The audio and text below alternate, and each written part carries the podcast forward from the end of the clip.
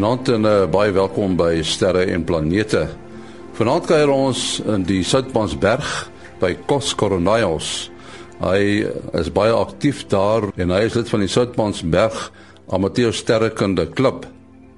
Dan praat ons met Kobus Olkers en hy gaan vanaand praat oor wat 'n filament op die son presies is.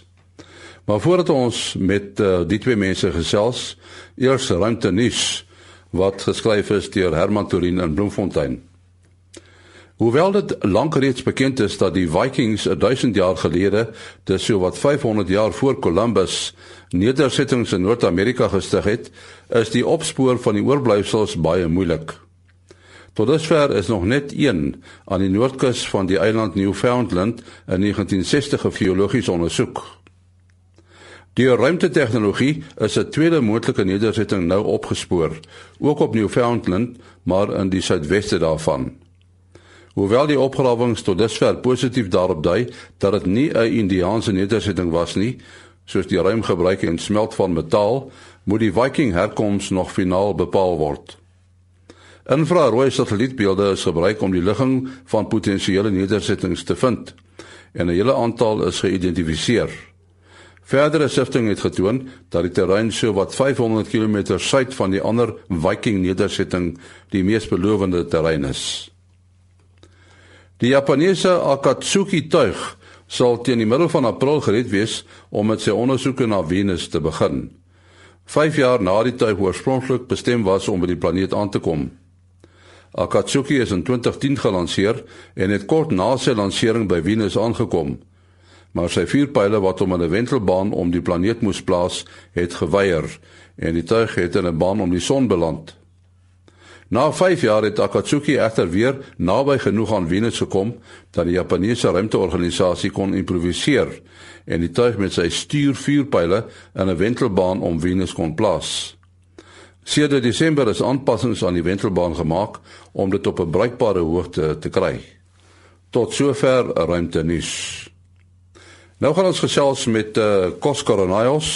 Hy is 'n amateursterrekundige wat daar in die omgewing van die Satmansberg woon, Louis Trigard. En ons het aan hom gevra hoe dit nou eintlik begin het dat hy in sterrekunde belangstel. The the easy version is my interest in uh, uh initially in photography, uh, but also in uh, in the night sky. Um, I was keen to learn about the constellations and and identify them, and that's how I basically started. And then it just grew. The the subject is so vast that it grew from from there. Goed, jy jy het eintlik begin uh, met 'n liefde vir vir fotografie. Het jy van heel van die begin af foto's geneem van die ruimte? Um no, Henny, my my my interest in photography started um although although as a teenager I was a keen um, photographer, uh, my interest in astrophotography started only about about 15 years back when the Serpensburg Astronomy Club was formed, we produced a newsletter, a monthly newsletter. And at that stage, digital cameras, uh, DSLRs, hadn't quite reached the market yet. They weren't available, but a very basic uh, digital cameras were available that you could you could take long exposures. You could use a bulb setting, and I started playing around with that, and it's it was much easier to do that than have your film processing developed and wait for a week or two to see uh, to see your results, especially up in the Tricard. Uh, we, we had to wait for a month plus just to be able to get uh, results. I started experimenting and I used the, the, the very uh, basic images that I took um, to supply the, the newsletter with instead of copying or pasting or uh, finding other um, photographs on the internet, uh, which is also a very new thing back then um, I started uh, using my photographs to, to, to show a nebula, different planets, etc., etc. Yeah, so that's how, how it started off. Natuurlik daar waar jy woon uh, in die Soutpansberg omgewing is die naghemel baie mooi net daar's nie baie lig nie. Um yes we are quite lucky especially if you if you live away from some of the bigger towns. We stay about a kilometer two kilometers away from Louis Trichardt so we get quite a lot of sky glare from the town. But uh, if you have to compare it to cities like Joburg and Pretoria, it's a hundred times better. Yes, absolutely. We are quite lucky. En en wanneer het jy jou eerste teleskoop gekry? My first telescope was, if I recall correctly, probably about 30 years ago. I think it was bought, I still have it by the way. It's an old uh, refractor, a very small refractor, which uh, also has a, uh, the ability to to project uh, a solar image, uh, which is actually quite nice. And uh, I bought that. It must have been a good 35 years back. En intussen het jy seker ander teleskope gekry. Yes, absolutely. Um, at the moment, I have two that I use quite quite extensively. They're both 10 inch. One is a, a Schmidt Cassegrain, and the other one is a Newtonian reflector. The, the Newtonian reflector is a very fast uh, f4. It's a lovely telescope, and that also uh, on the equatorial mount taught me how to how to na- navigate around the sky. Uh, uh watter een gebruik jy van daai twee om nou die fotografie te doen? Most of my images are, are taken either by a, uh, a small refractor that's piggybacked on a SC, uh, SCT uh, or via a lens, a camera, a Canon lens, either a, a wide-angle lens or a telephoto lens. My astrophotography really is not, although you can get some pretty good results, um, I'm nowhere near the class of other uh, South African astrophotographers who, who have the correct um, equipment, I suppose, I suppose is the, is, is the right term. Um, I'm still basically checking on an Altaz mount. So um, exposures are very, very short. There's a lot of um, start trails uh, if, you, if, you, if, you, if you shoot for anything longer than 30 seconds. But basically, I use a camera with a 300 or 200 mm lens or wide angle lens. And sometimes, um, under favorable conditions and bright objects, uh, sometimes with comets, I go prime, prime focus. But the exposures there are kept very, very, very short due to the alt as um, tracking as opposed to uh, equatorial mount that, that, that tracks in uh, RA in Rough Ascension. Ja, ek wil vir jou vra, uh, hoe lank is jou beligtingstye? Currently, uh, most of my shots are 30 seconds. Um, I have uh, played, played around with using 40 to 50 second uh, exposures with reasonably good success, uh, but I prefer the quality that I get with a 30 second exposure. Anything longer than a minute, and um, it, it, it looks really, really terrible. En, en die lensopening? Generally, I, I have uh, the aperture set at, at, its widest opening, so a large, a small f-stop, so f4, f5.6 sometimes if I want to get some nice spikes on the stars. But generally speaking, um, the lens is wide open.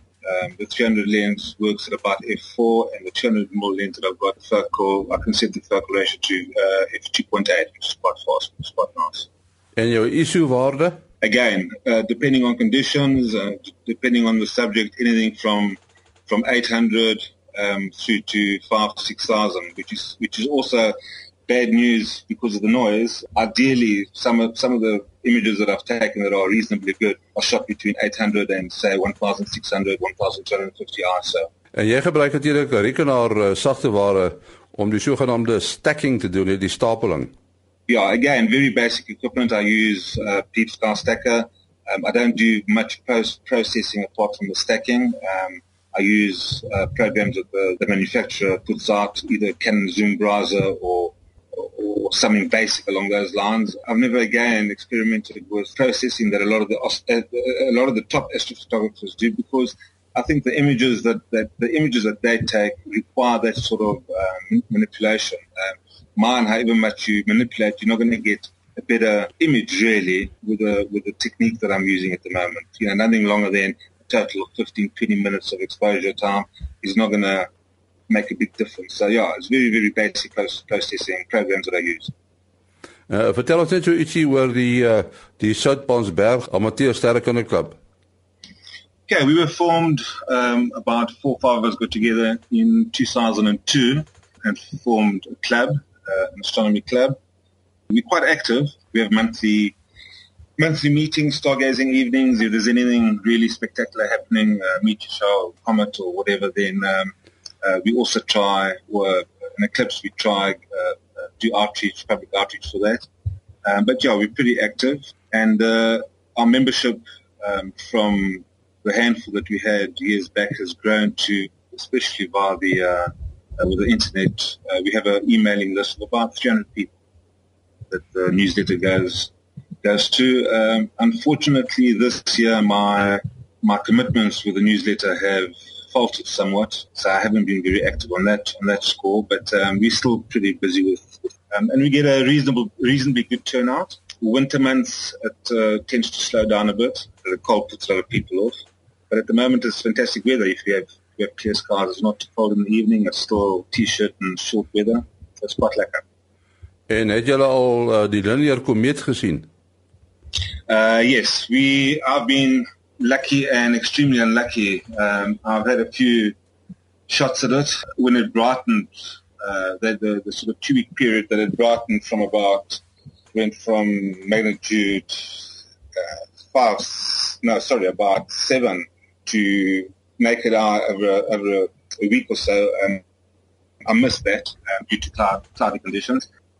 Um, I've had one or two stabs at it. It's fantastic. Um, the coma size has been incredible to witness from small to nearly to, to a tiny 10 odd minute um, coma to a degree, uh, which is actually quite quite nice to see. And that's that's I think that that is one of the things I enjoy about comets is uh, you know every night you go out something's happening. They're either not where they should be, they're, they're definitely moving, and uh, yeah, they could be brighter, dimmer, on what happens, yeah.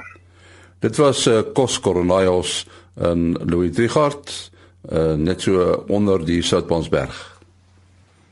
Ons sê baie welkom ook aan Kobus Olkers daar in Florida, Amerika. En ons gaan 'n bietjie oor die son se weer praat. En uh, as ons nou met Kobus praat, is daar uh, dikwels terminologie wat hy gebruik en wat uh, baie mense eintlik nie verstaan nie. Ek dink een van hulle is waarskynlik uh, iets soos 'n filament, né? Nee? Die filamente is goed wat hulle in die ou dae hier in die in die 1600s nogal uh toe Newton en die manne begin kyk het na die uh en Galileo begin kyk het na die son het hulle hierdie streepies op die son gesien en hulle het die goed filamente genoem. Maar eintlik is dit reusagtig verskriklike groot lang bergreekse van magnetiese materiaal van plasma wat opgestapel is op die son. Ek sit nou en kyk na eene hier op die oppervlakte van die son en hy is uh, seker 'n goeie half miljoen kilometer in lengte en hy is waarskynlik duisende, honderde van honderde van duisende van kilometers hoog. Uh, so dit is dis massiewe strukture en hulle kom kom almal van die magnetiese aktiwiteit van die son af. Soos ons nou weet is die son 'n ding wat draai hy draai binne in sy eie veld. Hy hy genereer 'n magnetiese veld omdat hy 'n geleidende medium is, 'n plasma medium. En as gevolg van die en dan boonop draai die son ons nou nie heeltemal ewe vinnig nie. Hy draai vinniger by sy ewenaar as wat hy by sy pole draai. Hier by die ewenaar rond neem dit die son so verhoeweg 27 en 'n half dae om om te gaan uh, om een een uh, siklus te maak en as jy bo by die by die pole gaan kyk dan neem dit kan dit so lank neem as 34 dae. So dit is nou soos 'n ou wat homself aan sy aan sy gordel gryp en ehm um, so half trek en dan dan wen hy homself nou so half op meer in die middel as wat hy hom by die kop opwen. En as gevolg van hierdie oneweredige uh spoed van die son se draaiing kry ons vreeslik baie warrel wervelkolke op die op die oppervlakte van die son en onder die oppervlakte van die son en wanneer ons dan hier dan nou hierdie uh, kom ons sê beweging ronde beweging van van van geleiding kry elektriese elektrone wat beweeg dis ione wat beweeg al in die ronde. En hulle doen dit binne in 'n magneetveld en skep hy 'n magneetveld loodreg op die die ding op en dan die loodregte magneetveld werk dan weer terug op die oorspronklike draaibeweging en op dié manier kry jy vreeslike komplekse tekens uh van van magnetiese goed. En, maar almal van hulle kan 'n mens sien is as is as dit lyk dit lyk soos magneetvelde. As jy nou 'n voorbeeld sou probeer doen in 'n staafmagneet onder 'n tafel hou en 'n klomp uh ystervuisels daaroor sprinkel en jy tik tik so op die tafel dan sê jy sien die goed maak so so so magnetiese veld vorm en as 'n mens nou die son van naby bekyk in in die ekstraal band waar mense hierdie magneetlyne baie goed kan sien. Dan lyk dit soos 'n komplekse hoop van hierdie magnete wat daar lê met vreeslik baie vesels tussenin en dit maak vreeslike komplekse patrone so op die oppervlak van die son. Dit is eintlik pragtig om na te kyk. Dit is soos om na 'n vuur te sit en kyk. Tussen hakies, uh, ek weet nie of al ons luisteraars dit weet nie, maar 'n vuur is ook 'n plasma, 'n vlam is net so plasma soos die plasma wat ons bo op die son kry.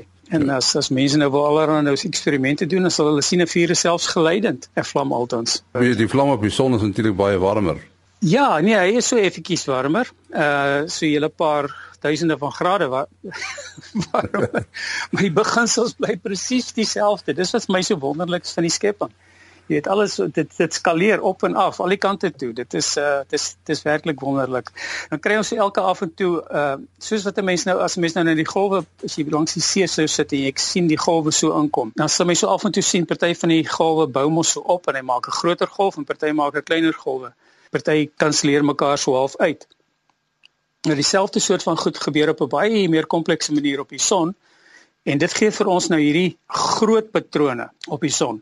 So jy kry as jy nou inzoom op die son en sien vreeslik baie van hierdie magneetveldjies wat lyk so staafmagneetjies. En as jy nou so 'n bietjie groter uitzoom dan sien jy nog weer magnetiese eienskappe.